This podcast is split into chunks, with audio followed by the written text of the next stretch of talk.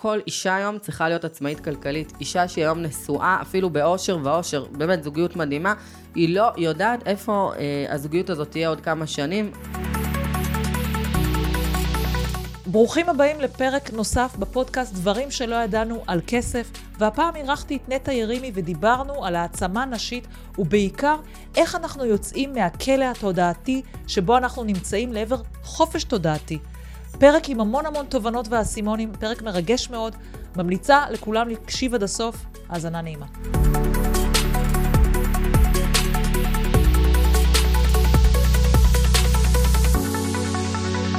נטע, יא אלופה, איזה כיף שאת פה בפודקאסט שלי. אני מתה עלייך, חולה עלייך אש. ואני אתחיל בשאלה האלמותית. אני עכשיו פותחת את הטלפון שלי, בטוח את מכירה את כל הקונטקסט שלי, גם עזבי אלה מהבית ספר היסודי. איך את עושה דבר כזה? איך את מכירה את כל מי ש... לא יודעת, אפילו לא יודעת לקרוא- לקרוא לזה, כל מי שחי במדינת ישראל ומחוץ לה. איך זה? אמ, קודם כל, דנה, אני חולה עלייך גם, אני אפרט אחר כך, שתדעי. אז אה, ממש כיף להיות פה ותודה שהזמנת אותי. אמ, סבירות גבוהה שיש איזה שני קונטקט שאני לא מכירה אצלך, בכל זאת. לא, לא, לא, לא. תכף נפתח את זה ונראה. אנחנו עושות את זה. אמ, פשוט, אה, אני אוהבת אנשים. אני אוהבת אה, להיות איתם בקשר. אני אוהבת לשמוע מה איתם. אני פשוט אוהבת אנשים. אני אוהבת אנשים, זה... ואני חושבת שקשרים זה גם אחד הדברים הכי חשובים בחיים. גם לתחושה שלך, גם ל- ליכולת לעזור, יכולת להיעזר. אמ, ופשוט, לא יודעת, אני פשוט מתעניינת באנשים. הנה, עכשיו שאלתי אותך איזו שאלה לפני הרעיון, ועכשיו אני יודעת את זה. כן, וזה בדיוק. פשוט נכנס, וזה נכנס, ויש איזה, באמת אין לי זיכרון טוב, אבל יש איזה אזור במוח, אני לא יודעת להגיד אה, מהו מבחינה, כאילו לא חקרתי את אה, מדעי המוח, אבל לשם כל שמות של אנשים, פרצופים של אנשים, זה כן, יש לי איזה אזור מיוחד לזה כנראה. זה, קודם כל זה מדהים. אני חייבת להגיד לך שאני הזמנתי אותך לפה, כי אני זוכרת אותך כבר שנים, אנחנו מכירות עוד, אה, כשאת היית, התחלת אה, כפרילנס, אה, נכון. ככה, ועבדת מאחורי הקלעים, וקודם כל, גם אז אני זוכרת אותך כמישהי שמאוד מתעניינת, כאילו, עצם זה שזכרת אותי וזה, והיינו מדברות מדי פעם, זה פשוט הדהים אותי כל פעם כמה את כאילו מיינדד למה שאת עושה. ואני פשוט מסתכלת בהשתאות על הפריצה שלך. כאילו מישהי שאני ככה יותר תפסתי כמישהי יותר מופנמת, יותר מאחורי הקלעים, יותר מאחורי מישהי, פתאום את מישהי מובילה על הבמה, על הזה. ואמרתי, אני חייבת להבין את התופעה הזאת שנקראת נטע ירימי, כאילו, לחקור אותה לעומק, ולו בשביל שגם הצופים והמאזינים יוכלו לקחת מפה כמה דברים. ו, וזה מדהים. ובואי תספרי קצת על, על הדרך שלך, אבל אני רוצה שתספרי דווקא כן. על, אה, על הדרך היותר מוקדמת שלך בחיים. כי את, הרבה את מספרת ככה על באמת איך את היית בבית עם הילדים, כשאיזה שש שנים בבית ככה, את יודעת, כשילדת ורצית להיות בבית וכל זה, אבל אני רוצה לשמוע דווקא לפני זה, כי אני מאמינה שכל דבר שהביא אותך לשם, עוד היה לו לפני כן אה, זרעים. וואו, זה ממש אה, מעניין מה שאת אומרת, כי חשבתי על זה בדרך באוטו, אה, לא במילים האלה, אבל משהו מאוד דומה. אה, התחלתי לחשוב, רגע, מאיזה, מתי אני קלטתי, האם אני קלטתי, כי אני בעצם הייתי שכירה, תכף אני אפרט, הייתי שכירה, אחרי זה הלכתי ללמוד אימון, אני מאמנת גם בהכשרה שלי, אה, הלכתי ללמוד אימון, פתחתי קליניקה, משהו שם פחות זרם לי, גם לא הבנתי כלום בשיווק, אז היו באים אליי כל מיני אנשים, וזה לא היה ממוקד, אחד בזוגיות. תרפ"ח. כן. אחת בזוגיות, אחת בזה. כבר אז מאוד אהבתי לעבוד עם נשים, זאת הייתה ההתנסות הראשונה שלי. אמ, ובעצם אה, מה שקרה, זה שאחרי שלמדתי אימון, אז באמת נכנסתי להיריון, ילדתי את הילד שלי, באמת מה שאת אומרת שכבר סיפרתי גם במקומות אחרים, ו- ואני תפסתי את ההתפתחות שלי אה, לעולמות הכסף ועולמות העצמאות, משם פחות או יותר, שנפתח לי הראש, שנחשפתי לכל מיני דברים. אבל בפועל, כשהייתי עכשיו באוטו, ככה נזכרתי שבאמת, אני כבר זוכרת שהיו, כשהייתי שכירה, אני הייתי שכירה, אבל הייתי מאוד מאוד מאוד מקורבת למנכ"ל של חברת אוספי תזונה הגדולה בארץ. אה, הייתי, בס- בסוף כבר ניהלתי שם את הייצוא, והייתי טסה לתערוכות בחו"ל, והייתי טסה לכל מיני דברים מעניינים. וכבר אז אמרתי, רגע, יש לי הרגשה, כאילו הוא בעצם עצמאי. אז, זאת אומרת, ובגלל שהייתי כל כך מקורבת, ואפילו ככה הכרתי את הכספים קצת, וכל מיני דברים שאת יודעת, לא כולם נחשפים אליהם בחברה, אמרתי, רגע, יש פה משהו אחר, כאילו, יש יכולת של אנשים, גם, גם היו שם אנשים עם השקעות, בעיקר הבכירים בחברה, אה, אנשים עושים קצת דברים אחרת מאיך שאני תפסתי את הדברים בעבר, ו, ומאיך שגידלו אותי בצורה הכי נורמטיבית, אבל פשוט עם שני הורים שכירים. אה, אמרתי, רגע, תמיד יש מישהו שהוא מעל השכירים האלה. ו... ו... וזה משחק אחר, את כאילו קמה בבוקר ואת משחקת ב playground שלך. ו- ו- וזה לא, ההתפתחות שלי התחילה כאילו המאוחרת יותר, כשהייתי עם הילדים, התחלתי דווקא מההשקעות, ולא מה... פחדתי מהעצמאית, אז הלכתי והייתי פרילנסרית וזה, כאילו היה לי מאוד טוב ונוח, ואני שמחה על זה גם. אבל אה, זה, הזרעים כבר, אני מבינה היום, בדיוק, שוב, חשבתי על זה עכשיו, שזה נזרע לפני כן, שאני הייתי שכירה, אבל תמיד מקורבת לסמנכ"לים, למנכ"לים, תמיד הייתי בעמדות כאלה. אה, ואת קולטת את הלייפסטייל שלהם גם.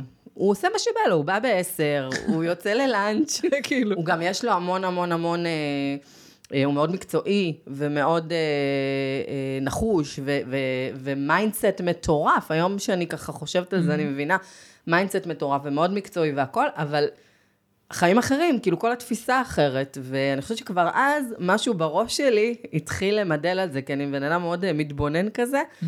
אה, קלטתי שיש דרך, עוד דרך בחיים לחיות. אבל זה היה רחוק ממך לחשוב אה, שאם אני יכולה לעשות את זה, או אם אני רוצה לא, לעשות לא את זה, כאילו לא, אפילו לא... לא, כן. לא, לא, רק קלטתי, יש אנשים, איזה אנשים כאלה, אה, רחוקים ממני, אני יכולה להיות הכי קרובה אליהם, אני יכולה להיות, אבל כן, זאת אומרת, זה לא קשור אליי, זה לא היה קשור אליי באותו שלב, אבל אני חושבת שזה הזרע הראשון שנטמן, בגלל, שוב, שהייתי, הייתי... אה, עוזרת אה, של סמנכ"לים, זה אחרי זה באמת התקדמתי לתפקיד מאוד אה, ספציפי, אבל... Mm-hmm. זה מה שהיה, זה מה שהיה, שזה, ושם שזה, הזרע נטמן. זה מדהים, אגב, כי כשאני מסתכלת, אני ככה, את יודעת, כשאני באה לראיין אנשים, בסוף אני גם לומדת הרבה על עצמי, פתאום כשאת אומרת את זה, אני נזכרת איך אני נחשפתי לזה, ואני בעצם נחשפתי לזה באמצעות זה שבשכיר שלי, הפכתי להיות מנהלת יחידה עצמאית, שהבוסים שלי ישבו בירושלים, ואני בצפון, אז אף אחד בכלל לא, ואז בעצם כשאני חושבת על מה שאת אומרת, סיגלתי לי את האורח החיים הזה, למרות שהייתי שכירה. סיגלתי לי את האורח החיים הזה, ואני חושבת שזה מה שגם היה יכול לאפשר לי ללדת שם. זאת אומרת, אה, הייתי שבע שנים באותו מקום. וילדתי את שתי הבנות שלי, ובתור אימא יחידנית, זה משהו שאת מאוד מסתכלת עליו, כי אני צריכה בשלוש וחצי, את יודעת, להוריד את העט ולטוס לגנים וכל הדברים האלה. ופתאום, אה, כאילו, היה לי את זה.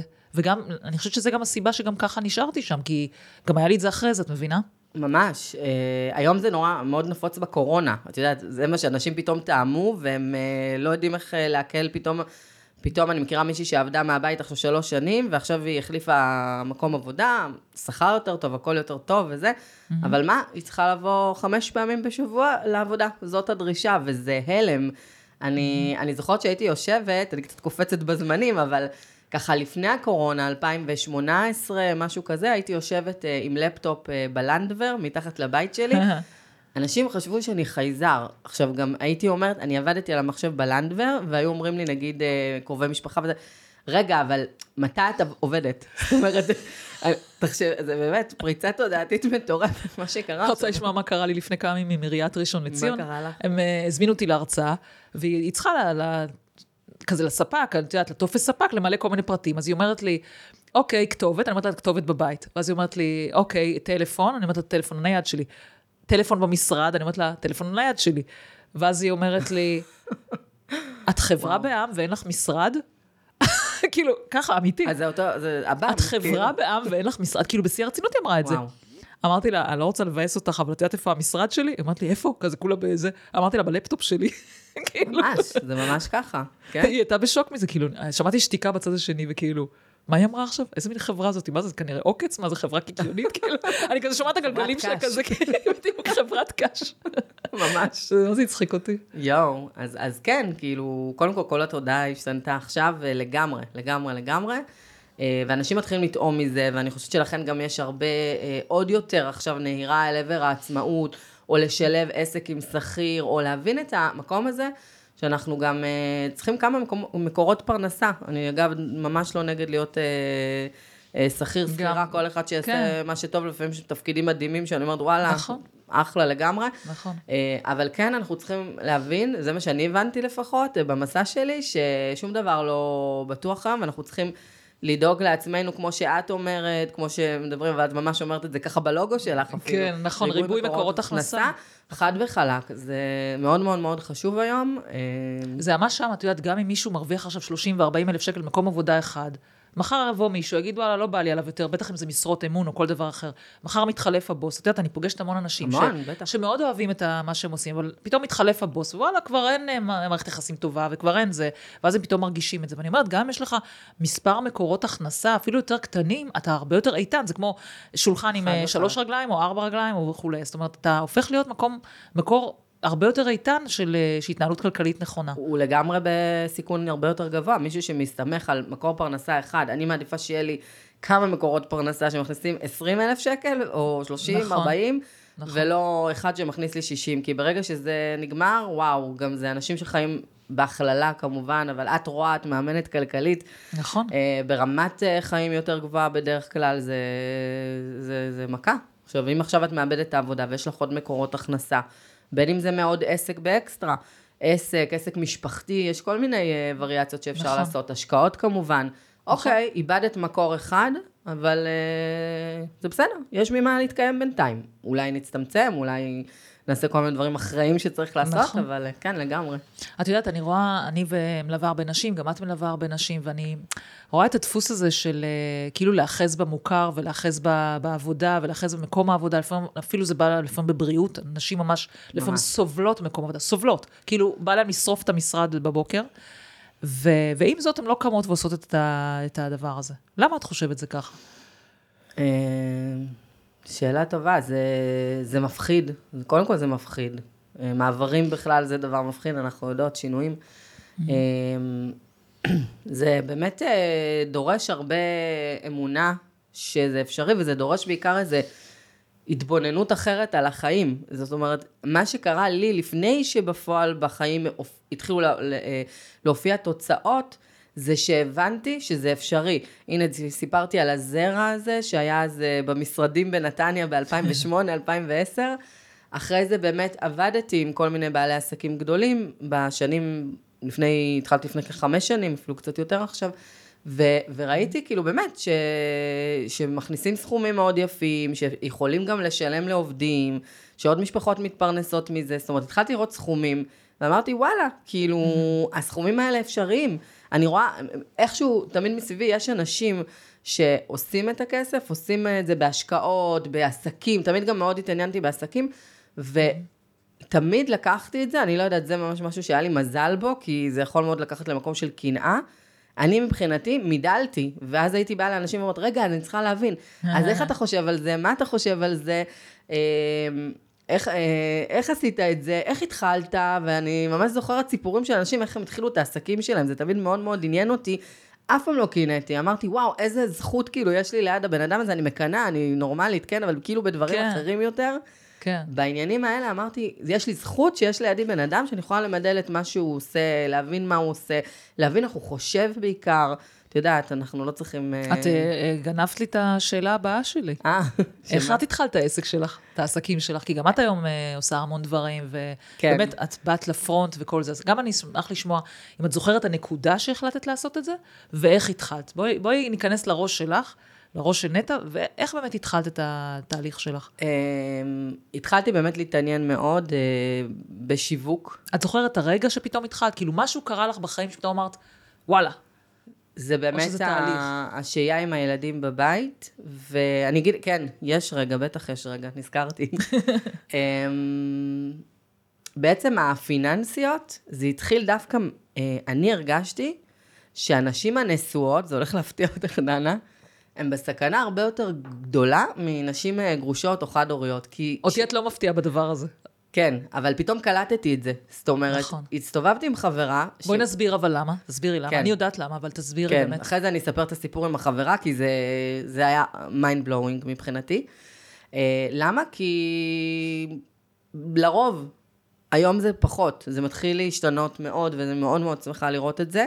אני גם הייתי ככה באיזשהו מקום, אני כן תמיד הייתי מעורבת בכספים וידעתי מה נכנס, מה יוצא וזה, אבל...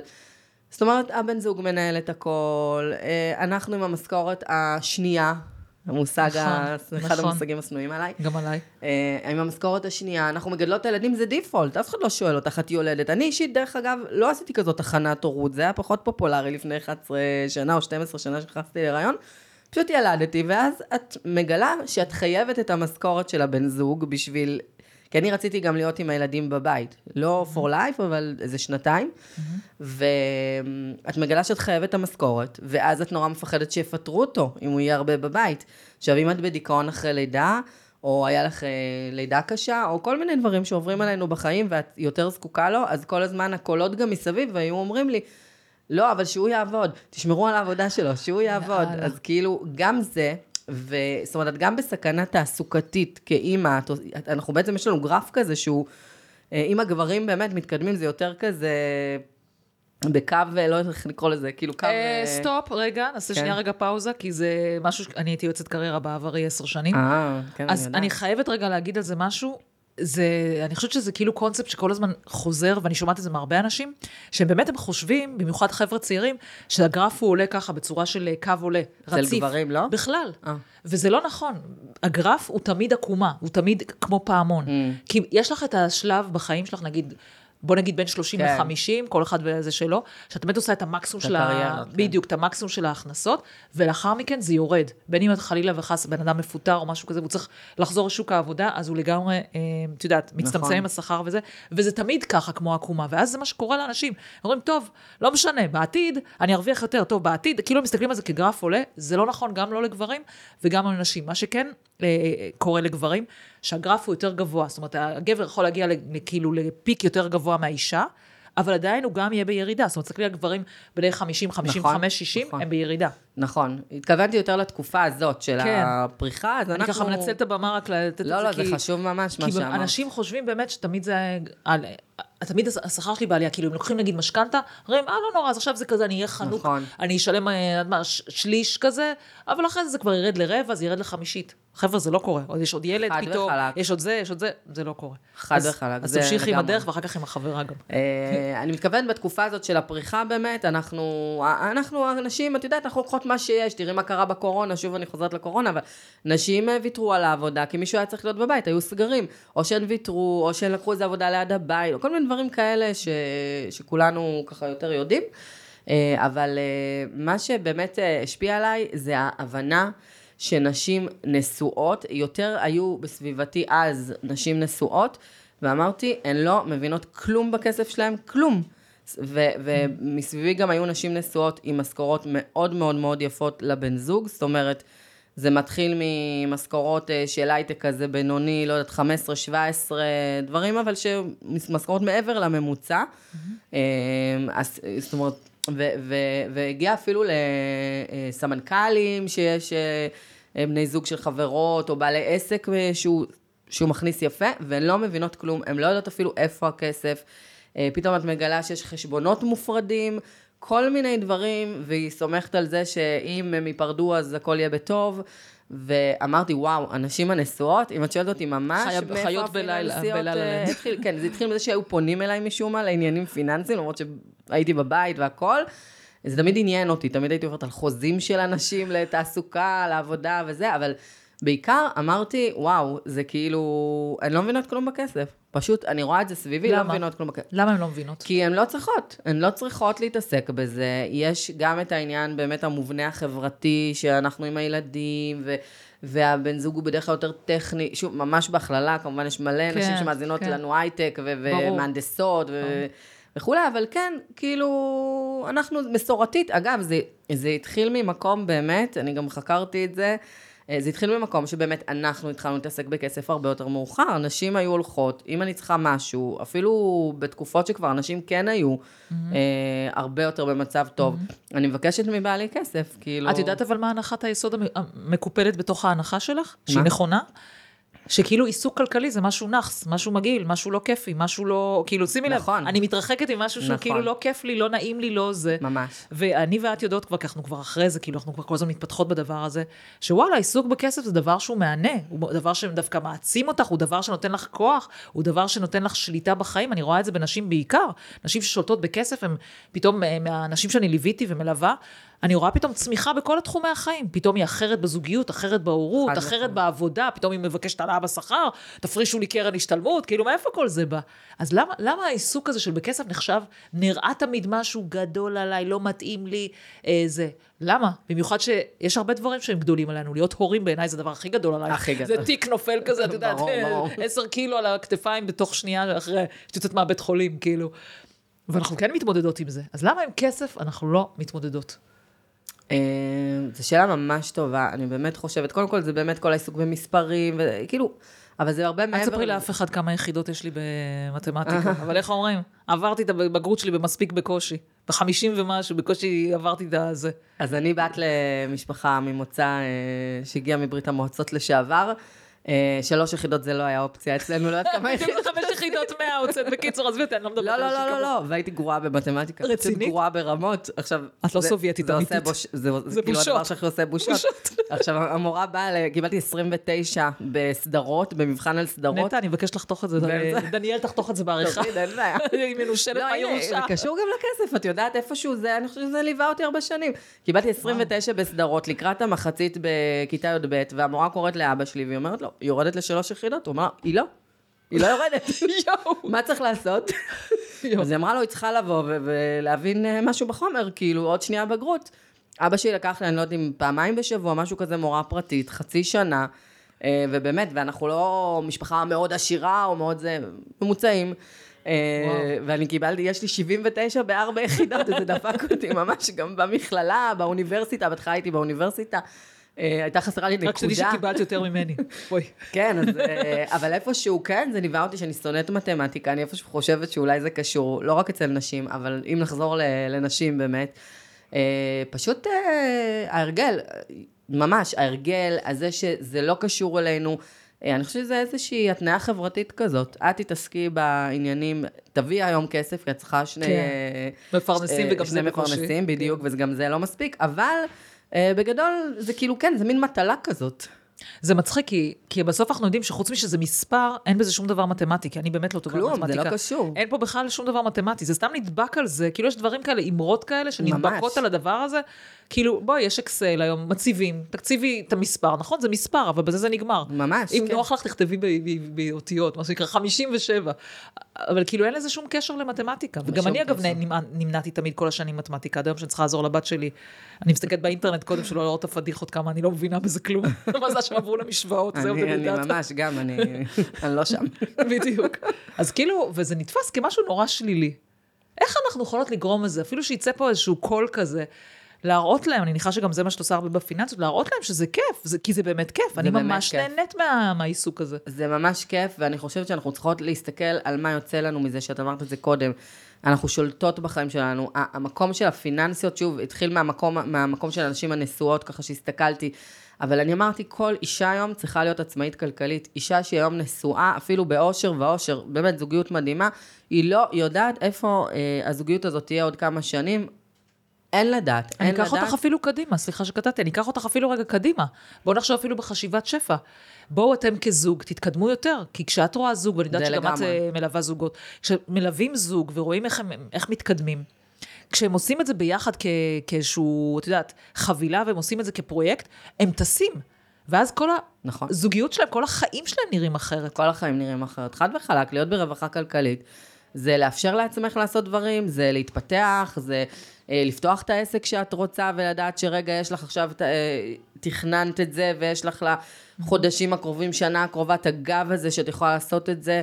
אה, זה, זה פשוט פותח vision אחר, שאת יודעת שאת ברווחה כלכלית, זה פשוט להתעסק ב, בדברים יותר גבוהים בסולם הצרכים, חד וחלק. אה, נכון. כן. אז מה קרה לחברה? אני עוד החבר- במתח. אוקיי, אז היו שני דברים שמאוד השפיעו עליי. חברה שהתקשרה אליי ואמרה לי שהיא ובעלה דיברו, והיא ממש לא רוצה להישאר איתו בשום פנים ואופן, אה, והיא לא יכולה להיפרד ממנו, והיא נשארת איתו. זאת אומרת, נשארה איתו. עד היום הם אה, ביחד. וואו. היא לא יכולה, היא לא יכולה כלכלית. עכשיו, באמת, גם מי שגר ב... לא רק במרכז כבר, את יודעת, אבל להחזיק שני בתים זה דבר ממש ממש יקר, ואת פשוט, כש, כשאת לא עומדת על הרגליים שלך מבחינת עצמאות כלכלית, זה השאיפה שלי לעצמי, זה השאיפה שלי לכל אישה. כשאת לא עומדת על הרגליים שלך מבחינת עצמא, עצמאות כלכלית, את יכולה כמובן ברמה עמוקה להיות חופשייה בתוכך, עם עצמך, לעשות עבודה, זה לא באמת, אבל את לא חופשייה לקחת את הבחירות המדויקות שהיית לוקחת אם, אה, אם פשוט אה, היית עצמאית כלכלית. אני חושבת שהרבה נשים, אם היו יודעות שהן עומדות על הרגליים לבד, יכול להיות שהיו עושות כל מיני בחירות אחרות החיים בחיים. שלהם היו טובים יותר. טובים יותר. מתאימים להם יותר. וגם אותנטיים יותר באיזשהו מקום, כי אם את אה, לא רוצה לחיות עם הבן זוג הזה, ו... אז, אז את יכולה לצאת מזה. אם את רוצה לשנות קריירה, אם את צריכה כמה חודשים, אם קורה חלילה איזה אירוע ו... וצריך את היציבות הכלכלית הזו, mm-hmm. זה פשוט נותן חופש, כאילו, מדברים על חופש כלכלי, עזבי אותך מחופש כלכלי. חופש באמת להיות ב... בעצמאות כלכלית משלך, זה החופש האמיתי. חופש הבחירה. כן, חופש הבחירה. לבחור. מבחינתי, לבחור. אישה, כל אישה היום צריכה, זה, עכשיו את מזכירה אותי ממש, זה גם כתוב לי בפיננסיות, זה, זה מה שהוביל אותי, כאילו, כל, תעמדי על הרגליים שלך, עצמאות כלכלית אישית, ואני אני עשיתי גם uh, לפני כשנה את הכנס כסף נשי, שהשתתפת בו. אה, היה כנס כן. מהמם. וואו, דנה, עד היום, את יודעת, פתאום קיבלתי מייל לפני כמה זמן, אני רציתי להגיד לך שלפני שנה הייתי בכנס שלך, ומאז התפטרתי, החלפתי עבודה, שיניתי קריירה, אה, עזבתי את בעלי, בחיי, אני לא צוחקת איתך. וואו. הוא כל כך השפיע על נשים, וזה הפתיע אותי תחשבי רק מקום. מכנס, תחשבי שבנשים, כנס נגיד, אם חינמי. היו מלווים כנס אותה, חינמי, כן. תחשבי איזה שינויים אנשים עושים. והם- מטורף. וקיבלתי המון כאלה סביב הכנס בחודשים אחרי, המון. ואני אגיד לך יותר מזה, סיפור ממש מעניין. התקשרה אליי מישהי אחרי הכנס. עכשיו, כנס זה באמת הרבה הפקה, אה, לפני, אחרי, הכל שיהיה פרפקט, כל החומרים. דיברתי יומיים בכנס. כן, אז. למחרת אה, פתאום מישהי מחייגת אליי, ו... ולא יכולתי לענות, כבר הלך לי הכל, ו... והבן זוג שלי, כאילו, אני אומרת לו, וואי, תענה, תענה, תשאל מי זאת, כאילו, מי זה, מי, סתם חשבתי, יכלתי ליפול גם על איזה טלמרקטינג, כאילו. כן. ומתקשרת אליי מישהי, ואומרת לי, נטע, אני רוצה לדבר איתך, אה, ואין לי קול, דנה, באמת. אה, והיא אומרת לי שהיא בת 70 פלוס, ושהיא כבר השקיעה בנדל"ן בארצות הברית לפני איזה 20 שנה, עם צעקות של בעלה עליה, כאילו, לא, ומה את עושה, ואיזה שטויות, וזה, והיא אומרת, "בזכות- בזכותי יש לנו פנסיות, כאילו, היא ממש היו לה כמה דירות, אני לא זוכרת, שש, שמונה, משהו כאילו מטורף, מטורף, 70 פלוס. והיא אומרת לי, ואת יודעת שאני הייתי בכנס שלך, אה, ושמעתי את כולן, את כל המומחיות, ואני הבנתי שאני לא באמת חופשייה, כי אני עד היום מתנהלת עם מה בעלי יגיד, יכלו להיות לי 20 דירות. וואו. כאילו, משהו כזה, אני מנסה להיזכר בניסוח. וואו, זה הפיל אותי, כי זה גם, תראי, היא סך הכל חופשייה כלכלית, כנראה, יש לה דירות שנקנו לפני 20 שנה, סביר. והיא לא להניח- חופשייה פה. כן. בראש, היא לא חופשייה היא בראש. אומרת כמה פעמים, אמרתי, אני אפילו לא אבוא ואדבר איתו על הדבר הבא, ואני כאילו מבינה דרך, ה, דרך האירוע הזה שהיה, שאני הבנתי תמיד מה לעשות, ואני רציתי, אבל כאילו לא הייתה לגיטימציה לעשות את זה. דנה, אני דיברתי איתה איזה 45 דקות, בצרידות של באמת עורב, ואני אני סגרתי, והיו לי דמעות, אני אמרתי, וואו, כאילו, זה כזאת שליחות להגיע לנשים. גם אני לא ידעתי את זה, גם החברות שלי לא ידעו את זה. כאילו, אני גם רואה היום איך החברות שלי באמת הרבה יותר, גם אם לא הלכו לתהליך כלכלי, הרבה יותר מודעות, הרבה יותר חשוב להן לדאוג לעצמן, אה, לקדם את עצמן בתוך המערכת הזוגית. וכמו שאמרת, זה, זה גם מערכות יחסים טובות, הרבה פעמים זה עם הבן זוג וביחד והכל, אבל הן יותר מבינות ש, שחשוב, אה, שחשוב. והסיפור שרציתי להגיד לך קודם, שהוא גם סיפור כזה מאוד שהשפיע עליי, זהו, שלושה סיפורים. אמ, שבאמת הלכתי עם חברה אה, לסופר פארם כזה, והסתכלנו, אני לא עושה את זה הרבה, איזה פעם בשנתיים, אני... אה, אבל כזה הסתכלנו, היא רצתה עוד, היא רצתה כל מיני דברים. ואז היה שם משהו של איזה מותג, וזה היה יקר. עכשיו, הבן זוג שלה, יש לו עסק, היא בכלל לא עבדה באותה תקופה. אה, יש לו עסק, הכנסות גבוהות, לא יודעת מה הרווח, שזה גם נקודה. אה, אבל אה, היא פשוט רצתה לקחת כמה דברים, זה היה בכמה מאות שקלים, ואז היא אמרה, לא, אני אחזיר את זה. עכשיו, העסק שלו הוא כן, אני יודעת שיש שם הכנסות מאוד מאוד מאוד יפות, אז אמרתי לה, למה? את לא קונה לעצמך כלום? וזה אמרת לי, לא, כאילו לא נעים לי, זה לא הכסף שלי, כאילו. וואו. כן, עכשיו הם כאילו בחשבון משותף, אבל התחושה הזאת ששום דבר לא מגיע ממך, אה, זה, זה באמת יותר מי שבתקופה בחיים שהיא פחות עובדת וזה, אנחנו כן מפרנסות והכל. אבל זה היכה בי כמה זה בכלל לא משנה כמה, כמה אתם מרוויחים, כמה, כמה כסף נכנס לבית, זה, זה תחושה פנימית ש, שאת עושה את זה לעצמך ולמשפחה שלך, אין בעיה.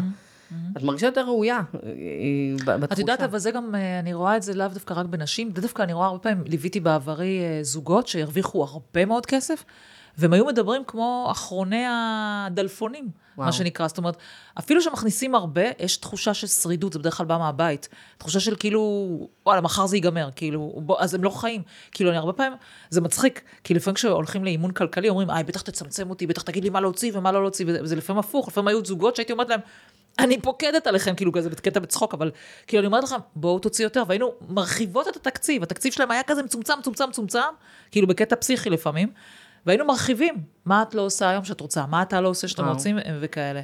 אבל את יודעת, מה שאופף פה בכל מה שאנחנו מדברים, זה שאנשים לא נמצאים בחופש מנטלי. ממש. כל מה שאמרת פה, כאילו, כל הזוויות שהבאת עכשיו, זה כאילו זוויות של חופש, וזה שוב, אני, אם אני חוזרת אליי לדבר הזה, זה מזכיר לי שאחד הדברים, אני גם מזל קשת, אז חופש בכלל זה כאילו, איך אומרים, מושג אה, יסוד בקש, בקשתיות שלנו. אבל מעבר לחופש לנסוע לחו"ל, וזה מה שאת יודעת, שאני כל הזמן מקיימת את המצווה הזאת. באמת מצווה. כן, לגמרי. זה, את יודעת, אצלי, לפני הרבה שנים, אני, אין לי דירת מגורים. הרבה מהאנשים שאומרים לי שהם קונים דירת מגורים, זה להיפטר מהבן אדם אה, שמשכירים אצלו, כדי שהוא לא ישלוט בחיים. אגב, אני אגיד ככה בסוגריים, אבל הם נשארים במקום העבודה, שכן בן אדם שולט להם בחיים ומחר יכול לפטר ממש. אותם. ממש. אבל תמיד זה נתפס בקטע של השכירות, אני לא רוצה שמישהו יגיד לי מחר לעזוב את הבית. אני באיזשהו שלב גרתי אה, בשכירות, אני כל חיי גרתי בשכירות, אין לי דירת מגורים, יש לי דירה להשקעה. אה, והיה לי קטע שרציתי לעבור בית, וההוא לא שחרר אותי. וכל, אפילו שאני הבאתי את הסוחרים, כל סוחר אמר, לא, לא מתאים, לא מתאים. והיה בתקופה ששילמתי כפול. עכשיו, הייתי אימא יחידנית, עובדת כשכירה, לשלם שכירות גם פה וגם פה. גם במקום החדש, כבר עברתי, שתביני, כבר עזבתי את הדירה ההיא. הדירה הייתה כבר ריקה, ועדיין לא, לא, לא הצלחתי למצוא סוחר ראוי לזה. ואת באה ואת אומרת, כאילו זה הביא אותי למחשבה, אני בחיים לא רוצה להיות תלויה באף אחד. זה אגב לא בא לי ממקום העבודה שאחרי זה פיטר אותי, אלא דווקא במקום הזה. כאילו, אני באה תלויה באיש הזה, איש רע, באמת איש רע. כי הבאתי לו סוחרים מעולים, כאילו סתם, לא, לא התחשק לו, לא בא לו, מה אכפת לו? כאילו. וגם, הוא, תראי את הקטע, הוא גם העלה לי את השכירות, אז כשאני הייתי צריכה להעביר את המקל מהשכירות שלי, הייתה מאוד גבוהה. אז כל אחד אמר לי, מה, כולם מסביב, מה, אה, אני יודעת מה, רוצים 3,000, ואת רוצה 3,500, למה שנבוא? בסוף מצאתי לו סוחרים, אגב, ואת יודעת, אני תמיד אומרת שיש קרמה, הסוחרים היו כאלה ש... הייטקיסטים וזה, הוא אמר לעצמו, וואלה, נירוונה. בקיצור, הם עשו לו את המוות, תשפץ פה ותשפץ פה, עשו לו את המוות, הוא היה מתקשר אליי, אמרתי לו, תגיד, מה אתה מתקשר אליי? כאילו, הוא היה מתקשר אליי. עשו לו את המוות, אמרתי לעצמי, אה, הנה, אלוהים שלם. איך אומרים? לא, קרמה זה לגמרי. קרמה איזה ביץ'. לגמרי ביץ'. אז כאילו מה שאני באתי להגיד, שהיה לי מאוד חשוב להשתחרר ממנו. אמנם לא השתחררתי, כי יש לי היום סוחרים, אבל אני מתה על הסוחרת, על המזכירה שלי וזה, והכל טוב. אבל זה דחף אותי להגיד שאני לא רוצה להיות תלויה באף אחד, וכשאני פוטרתי, זה עוד פעם דחף אותי למקום הזה. כלומר, הייתי רוצה שבאמת נשים יבינו שבסוף הן נשארות תלויות במשהו, או במישהו.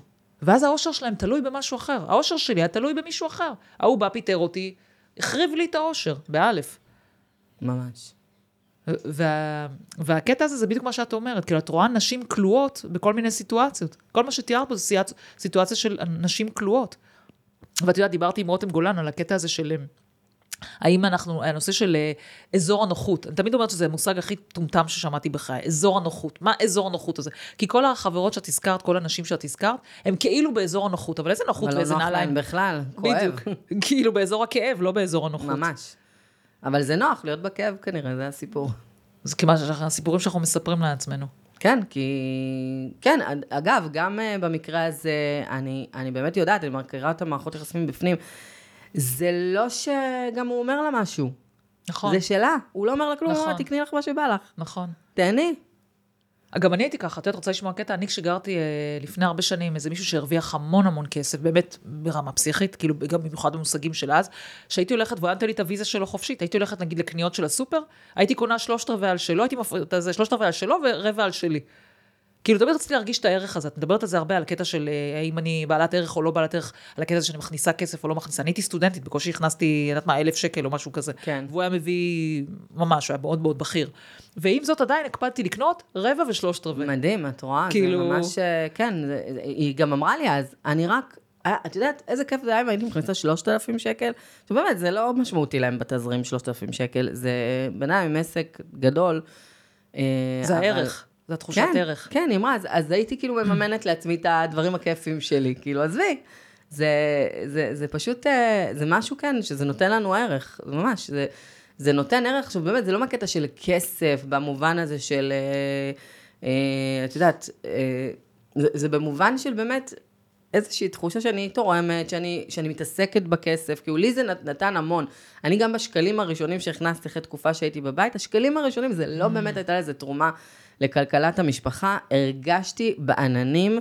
ובמיוחד, במיוחד עם עסק, אז עוד יותר התחושה הזאת שאת מייצרת כסף, שזה תחושה שזה מדהימה. כי, בטח, כי כאילו מישהו סומך ומשלם עליך. כן, כן. משלם לך. נכון. זה כאילו, אבל כן, זה גם יותר מנותק מהסיפור של השעות גם הרבה פעמים. אז, אז זו תחושה פתאום שאת מייצרת, כמו... זה התחושה שאני נכון. חיפשתי באיזשהו מקום. אני חושבת שבגלל זה גם מאוד נמשכתי לעסק, כי אמרתי לך, ראיתי אז, ראיתי אחרי זה, ותחושה ש, של באמת, שאת יכולה לעזור לאנשים ו- ולקדם את החיים שלך, לעזור לילדים שלך, בוא, זה, זה כל כך חשוב. רוב מודל, גם להיות מודל לילדים שלך. נכון, את מזכירה לי ממש, בטח גם אצלך. אה, יש לי הרגשה, תגיד לי אם זה נכון, שכן, שבאיזשהו מקום אמרת, אני ממש רוצה שהילדים שלי, אני הייתי באובססיה, שהילדים שלי יהיו אה, עצמאים. זה היה יותר ממקום כזה. לגמרי. לא, יותר על העניין של העצמאות. אמרתי, אני רוצה שהם ידעו שיש להם אופציה גם להיות עצמאים, כי אני אומרת, באמת, איפה העולם יהיה? נכון. כשהילדים שלי ילכו... אה, אה, לעבוד. לא בטוח שזה אפילו היה המודל היום של השכירים, זה עוד אה, כמה, עשר שנים עם הצ'אט GPT ובינה מלאכותית, הרבה כן, דברים מאוד יותר... כן, אי אפשר לדעת מה יהיה, זה נכון. אפילו לא יהיה העולם כפי שאנחנו מכירות אותו עכשיו נכון. של השכירים, שהוא עוד איכשהו, זה לא יציב כמו שהיה לפני... אצלי זה הוטמע, אגב. לפני כמה, לפני איזה שנה, שנתיים, באה הבת שלי הגדולה, היום היא בת 13, הייתה בסביבות 11, אמרת לי, אמא, אני רוצה עסק כמו שלך. ואמרתי לה, למה? כאילו, מה, רציתי לראות איך היא תופסת את זה בעיניים שלה, למה היא רוצה עסק כמו שלי? אמרתי לי, תקשיבי, את יושבת בבית, עם הפיג'מה, עזבי, לא נספר פה את כל הסודות, עם הכפכפי, עם הנעלי בית. מחויטת, כן, בדיוק, אבל בוובינר אני רק שמה חולצה, בואי, אל תספרי לאף אחד. אה, אמרתי לה, תשבת בבית, מדברת אל הקיר, אמרתי לה, מדברת אל הקיר, עכשיו אני קולטת שכאילו בוובינר רק שומעים אותי, לא, היא לא רואה את הצ'אט וזה, היא לא מבינה. אמרתי, ואת מכניסה כסף מזה. אמרתי, ואת מממנת אותנו וזה, וכשאת צריך לקחת אותנו למשהו, את לוקחת אותנו, כאילו את קמה ויוצאת מהחדר ולוקחת אותנו, כאילו היא פתאום הבינה כמה זה, אחד, אפשר לעשות כסף מלקשקש של הקיר, ושתיים, שכאילו אני, אני פנויה בשבילם, זאת אומרת, זה היה החלום שלי, אגב. אה, אני פעם פתחתי, את יודעת, את מכירה את זה שאת הולכת לאימון ואז שואלים אותך מה המטרות שלך, וכתבתי, לא ידעתי אז מה מושג חופש כלכלי וכל זה, וכתבתי להיות יותר, אה, לא, לעשות דברים שאני אוהבת, להיות יותר זמן, ו, ולהבין איך עושים הכנסות נוספות או משהו כזה, לא ידעתי אפילו איך לקרוא לזה, לא, לא בטוח שאפילו קראתי לזה הכנסה פסיבית או משהו כזה, אבל כאילו אז הבנתי שוואלה, נמאס לי את המרוץ עכברים הזה. ואני חושבת שאם את מסתכלת על ההצלחה שלי היום כעסק, זה לא הכסף שאני מכניסה ולא הרווח שאני עושה, זה הקטע הזה, שאם עכשיו בא לי, אם הבת שלי עכשיו מתקשרת, טוב, עכשיו זה דווקא לא הכי מתאים בפודקאסט, אבל דניאל יודע פה שפעם אחת קשרה, נשבר לה הגשר בבית ספר ואני באמצע הפודקאסט. אבל בגדול, כאילו, הזמן, אני אדון לזמן שעצמי. מחר, מחר היא צריכה, שאני אקח אותה לטיול שנתי, ובעיקר, בעיקר, בהקשר לילדים, את ממש מזכירה לי, גם אני, אני אמרתי, וואו, איך אני אעבור עכשיו ממצב שהייתי שנתיים וחצי עם כל ילד בבית, מה, אני אעבוד עד שש? גם, אגב, אין לי מי שיוציא את הילדים, ואין לי מי שיעשה אותם, ואין לי מי שיקח אותם, כאילו, אה, mm-hmm. פשוט לא היה לי גם, mm-hmm. זה גם ממקום כזה, אני לא יכלתי גם לצאת עד, אה, גם משרה יותר אה, קצרה. פשוט זה, זה כאילו, הייתי חייבת לייצר פתרונות אחרים, בדמות... אה, אה, זה שהתחלתי ללמוד השקעות, בשביל, הבנתי שזה מכניס כסף. אה, אה, ההשקעות, העסק כמובן, כאילו פשוט, אני באמת מאיזשהו אילוץ, באיזשהו גם תשוקה, אבל גם איזה אילוץ. אם התחיל להיות שכירה, זה היה לי קשה לחזור לזה בתקופת הילדים. יכול להיות שאולי עוד עשר שנים חי דנה, זה יתאים לי, לא יודעת. אי אפשר לדעת, כל, כל מועד הוא, את יודעת, מתאים כן. לדברים אחרים, צריך גם לזרוק. ראיתי גם הרבה עצמאיות ועצמאים. שפתאום קראו להם איזה תפקיד סופר מעניין באיזשהו מקום, והלכו ועפים על זה, לגמרי. את יודעת, זה, זה באמת, מה שאת בעצם אומרת, זה ללכת עם הלב שלך. זה ללכת עם הלב שלך ולהגיד, אוקיי, מה מתאים לי עכשיו? אגב, אני, אני יודעת שבערך איזה עשר שנים אני מתאים לי להיות עצמאית. אני לא יכולה להגיד לך שנגיד בגיל 20 או 30 מתאים לי להיות עצמאית, אני אפילו לא ידעתי מה זה בכלל. וגם לא הייתי בבית כזה, אז כאילו לא... זה לא, זה לא נווט בי, ויכול להיות שאגב לכל, לכל זמן יש את, את יודעת, הדברים שלו ש, שמתאימים לו. כן. בוא נדבר קצת פרקטיקה. נגיד עכשיו מישהי שומעת לך, מה היא יכולה לעשות? נגיד והיא אומרת, וואלה, היא צודקת, אני בכלוב שלי. מה היא יכולה לעשות בשביל להתחיל אה, לפתוח לאט לאט אה, סורג סורג? אה, אני חושבת שזה מתחיל גם ב... ב... באמת, גם להקשיב הרבה. אני, כשאני התחלתי, באמת, עד לא, אז לא היו הרבה פודקאסטים בארץ, כמעט ולא היו. אה, נשמה, כשאני התחלתי, לא היה, אני לא הכרתי אפילו פודקאסט כן, אחד. אני, אני הכרתי, כאילו. נראה לי של... אה, גם, אני חושבת שלא היה, אני חושבת ששמעתי ביגר פוקטס או משהו כזה.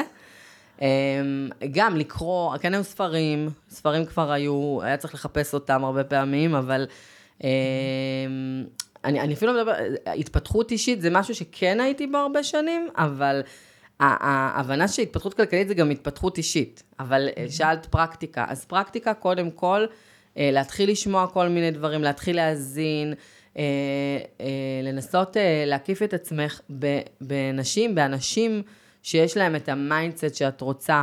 אה, אם זה, אם את עצמאית, אז אה, עם עצמאיות. אם את, עם, אה, אם את אה, רוצה להשקיע, אז יש, באמת, התחום הפיננסי ספציפית בארץ הוא מאוד מאוד מפותח, יש מלא מלא מלא meetups ו mingling, ופשוט להיכנס לקבוצות ולבוא לדברים האלה. ולהקיף את עצמך באנשים שחושבים כמוך, כי מי שמגיע לפגיש, כאילו, מפגש כזה, הוא כבר חושב אחרת, נפתח לו משהו, ואז אתה מדבר עם אנשים שהם באותו ראש, אתה מקשיב להרצאות. אה, אני חושבת שהיום להיכנס לתחום הפיננסי בארץ, כאילו להתחיל להבין בכסף, זה מאוד מאוד מאוד אה, נהיה נגיש. כי... חד משמעית. כן, ואני רואה את זה בגלל שאני גם מתחום השיווק, אז uh, יש לי בעצם שני כובעים. אני רואה את זה מתחומים אחרים, נגיד בשיווק, יש את זה אבל פחות, בתחומים אחרים, לא יודעת, של הורות יש, אבל זה עדיין, אה, זאת אומרת, בתחום הפיננסי באמת נהיה איזה משהו שאנשים אה, מייצרים חברויות, חשוב שגם מי שמקשיבה, מקשיב, ידעו את זה, תבואו, תבואו לכל מיני מפגשים של קהילות, של... של, כל- של מי שעוסק בפיננסים, פשוט פוגשים שם אנשים, להישאר איתם בקשר, תחפשו בסביבה שלכם את מי שמתאים לכם מבחינת mindset, אני חושבת שזה באמת אחד הדברים שהכי הכי מקפיצים. אה, ופרקטית, זה באמת, יש גם את העניין הפרקטי, שאם יש משהו שלהבין גם איזה השקעות יש, מה יכול לעניין אתכם, מה יכול אה, להתאים לפרופיל שלכם, זה משהו שכמובן גם עושים אה, בייעוץ, ותבואו לדנה. ו- ודרך אגב, דנה, זה לא מה ששאלת, אבל אה, את מבחינתי ממש היית modeling, כי כשאת עשית פריצה עם העסק שלך בכמה שנים, אני עוד הייתי כזה מאחורי הקלעים, כן. ותמיד מאוד אהבתי אותך, כאילו הכרנו מלפני כן, ו- ואהבתי אותך, ובאמת הערכתי אותך מאוד, וזה כל אישה שעושה דבר כזה, את לא מבינה, זה modeling מטורף, אני בטוחה שאת שומעת את זה, אבל כן. מבחינתי אמרתי, וואו, דנה עשתה עכשיו, דנה היא באמת מדהימה, ו- ואדירה, ו- והיא טובה, ויש לה כל מיני סקילס שאני מכירה וזה, אבל גם אני יכולה לעשות, וגם היא יכולה לעשות, וגם היא יכולה לעשות. וזה המסר, אני באמת, כל אחת שאני מדברת איתה, כאילו, היא- היא- אני מדברת איתה ואני רואה כאילו את הפוטנציאל שלה, היא כאילו מדברת ואני רואה באמת את היהלום כזה של... כן, וואי, איך אני אוהבת את זה? בטח, אני רואה את זה הרבה, ואני אני אגיד לך את האמת, גם הרבה פעמים אני מתבאסת מהשיחות האלה. כי את רואה באמת את היהלום שבא, ואז היא חוזרת לחיים שלה, כאילו, ו... ושום דבר לא נדבק, כאילו, אפרופו אה, זה, זאת אומרת, לא לקחה את, ה, את המקום הזה שרגע, יש פה איזה משהו שצריך להתבונן עליו. אבל את זרעת את הזרע, את יודעת, דיברנו קודם על נכון, זרעים, ודיברת נכון. על המקום שלך, ועל זה נכון. שכאילו נתקלת, ו... נכון. את זרעת הזרע. אני חושבת שכאילו ברגע שאנשים נחשפים לרעיונות האלה, הרכבת יצאה מהתחנה. זאת אומרת, את יודעת שזה מה שעיכב אותי, כי בזמני, אגב, לא היה את כל מה שאת מתארת עכשיו, לא היה מיטאפס, לא היה. ולא היה, פייסבוק רק התחיל בחיתולים שלו אחרי זה, לא היה בכלל רשתות חברתיות, לא היה כלום, כאילו, זה או לקחת ספר מהספרייה, או לשמוע מאיזה מישהו קרוב. ואף אחד מהקרובים, כמו שבטח רוב האנשים היום שמקשיבים לנו, גם חווים את זה. הקרובים שלנו הם לא בהכרח אנשים שמתנהלים עם כסף. נכון. אני לא ידעתי על העולם הזה. כי לא נחשפתי בכלל, בשום אופן, כי איפה את יכולה להיחשף לזה? כאילו, תחשבי רגע לפני הרשתות החברתיות, אין לך, לא היה דרך להתחשף לזה. לגמרי. זה רק לקחת ספר. לא היה איך. לא היה פודקאסטים גם גם. כשאני אני נזכה, מנסה לחשוב אם היה משהו, לא היה אולי כלום. אחד היה שאני... כאילו היה אבא עשיר, אבא אני, והאמת היא שקראתי כן. אותו, אגב, קראתי אותו יותר צעירה. ואני אגיד לך את האמת, הוא כל כך היה חדשני בשבילי, שלא הבנתי כלום. סגרתי אותו, אמרתי, טוב, מה החרטטן הזה? כאילו, זה ממש מצחיק, כי כשקראתי אותו פעם שנייה, כאילו כבר, כבר עברתי את התהליך בעצמי, אז אמרתי, וואו, איזה, איזה חכם. ופעם ראשונה זה היה כל כך רחוק ממני להבין את הדבר הזה, כי, כי צריך את התמיכה, צריך להבין, צריך את הפיננסיות, שאני אשאל אותך, רגע, נטע, תגידי רגע, או מישהו, חברים, תגידו רגע מה, מה קורה וזה. לא היה אפילו את המקום הזה להבין. כאילו, זה, זה מוצ... ממש. מצחיק היום, כאילו, היום זה כל כך obvious. אני חושבת שבגלל זה אנשים מאוד מאוד מאוד מתקדמים. אפילו אנשים שנמצאים ב... הם יכולים לעשות טעויות, שנמצאים רק בקהילות והכול. אז כן, לפעמים אפשר לעשות טעויות, ואני כן חושבת שכדאי להתייעץ על כל צעד, נכון. שיבחנו את העסקה שלך, גם אם אתה לא הולך ליועץ כלכלי. אני באמת רואה אנשים גם נכנסים לכל מיני עסקאות, אה, תיקח עוד מישהו שיבחן לך את העסקה. כי אני אגיד לך למה הרבה פעמים, כי אין להם תכנון כלכלי מאחורי הקלעים. אז, אז הם נכנסים לעסקאות מבלי שהם מבינים בכלל מה המטרה שלהם. זאת אומרת, האם זה לטווח קצר, לטווח ארוך, נכון. מה, אני רוצה להוריש לילדים, אני רוצה זה, אז רגע, אז פליפ, אז זה, כאילו, אין שם שום תכנון רגע, כמו שאתה מתכנן את הטיול שלך רגע, תתכנן שנייה רגע מה, מה החיים שלך, מה אתה רוצה. כי השקעות צריכות לשרת משהו, כמו כסף, כסף הוא אמצעי. אז הם צריכים. לשרת רגע משהו, וכאילו אין את החשיבה הזאת רגע, התכנונית הזאת רגע, לתכנן רגע מה אני רוצה בכלל מה, מהחיים שלי. כן, לגמרי. זה, זה גם התכנון וגם שאתה לא יודע תמיד לבחון עסקה, זה גם משהו שצריך ללמוד. אה, אני, תספרי לי על זה, אני אה, נפלתי בכמה עסקאות במקום הזה, כאילו היום, אני חייבת להגיד לך, אפילו שאני עורכת דין במקצועי, אני נותנת, אה, כן, אני נותנת לאנשים, אני מגלה דברים. כן, לגמרי, אנחנו צריכים להישאר פה עוד שעה. אז אני נותנת לעורך דין, כדי שלא יהיה לי הטיה, כאילו, את. יודעת, לפעמים את מתלהבת מה- מהאנשים, אז אני אומרת, אוקיי. ואני כאילו מתייעצת, רגע, נראה לי בסעיף 7 שם שזה לא מה שזה, נכון? נכון. כאילו, אני משלמת כסף לעורך דין, בשביל שיעבור איתי על ההסכם, כי בסוף כל המצגות היפות לא מדברות, בסוף ההסכם ממש הוא מה ככה. לא בניינים יפים, לא מצגות יפות, ועם מישהי כמוך, שגם זה העיסוק שלך בחיים, את מנטורית כלכלית, נכון. את, אה, את, אה, יש לך ניסיון בעריכת דין, את נותנת את החוזה, אני באמת רואה אנשים נכנסים לדברים בלי לבחון את זה. וזה סכומי עתק, כי תחשבי, זה. סכומי עתק תשלמו עוד לאנשים. 5,000 שקל, לא יודעת מה. בדיוק, שווה שעוד. עיניים יסתכלו לכם על העסקה, או מישהו שהוא באמת ותיק, שיש לו המון המון המון עסקאות, מהסוג שאתם עושים. למה אנשים לא עושים את זה? אני תמיד מופתעת. למה אנשים באמת, תקשיבי, מוציאים איזה 300, 400, 500 אלף שקל, לא לוקחים מישהו ב-5,000 שקל, בוא תעזור לי. יש איזה קטע שמתווכים ועורכי דין וכל זה, אז את יודעת, זה כאילו חבל לך על הכסף, שזה כבר אקסטרה כזה לעסקה, ואני חושבת שזה מאוד מאוד חשוב. מה זה, זה לפעמים יכול להפיל לעסקה. אני אגיד לך אפילו את האמת, היו עסקאות שלא נכנסתי, שילמתי לעורך דין את ה-5,000 שקל. ולא נכנסת. ולא נכנסתי. וואו. ו- ואני לא רואה בזה, וואי, איזה באסה, איזה הוצאה. בטח, אמרתי לעצמי, הוא הציל אותך. בדיוק. יכולתי עכשיו להפסיד 200 או 300 אלף שקל, או לא יודעת מה משנה. כן, זה כן. משנה. כאילו, והחשיב... טוב, זה חשיבת שפע כנראה. כנראה שהכל חוזר בסוף ל... לחשיבת אה, שפע. נכון, אה, אני חושבת שכל מה שאנחנו מדברות כאן, באמת, זה שהיום יש אפשרות לעבור לחשיבת שפע הזאת. זה לא משנה כמה אתה מרוויח. החשיבת שפע זה התחושה הזאת שגם שקורים לך דברים אה, שהם לא פשוטים, כלכלית, איפשהו בפנים, זה- ככה אני מבינה חשיבת שפע, זה, יהיה, הכל יהיה בסדר, זה בסדר, אני גם יכולה בכוחות עצמי, אני יודעת לחלץ את עצמי, ברור, אני לא, יש כוחות גדולים יותר כן. ממני, ויש טעויות שעושים, אז זה לא תמיד, אבל איזו תחושה ש, שהכל יהיה בסדר כזה, איך את רואה חשיבת שפע, מה זה בשבילך? הנה, אני אתן לך דוגמה על חשיבת שפע. אני עכשיו, יש לי דירה להשקעה, בסדר? ברמלה. אני מאוד אוהבת את הדירה הזאת, שיפצתי אותה גם מן היסוד, איזה 100 אלף שקל שיפוץ, כאילו הפכת ממש לדירת קבלן. ומהרגע שנכנסתי, אני אוכלת ממנה קש ומרורים, כי וואו. היא קומה מעליי, זו דירת עמידר.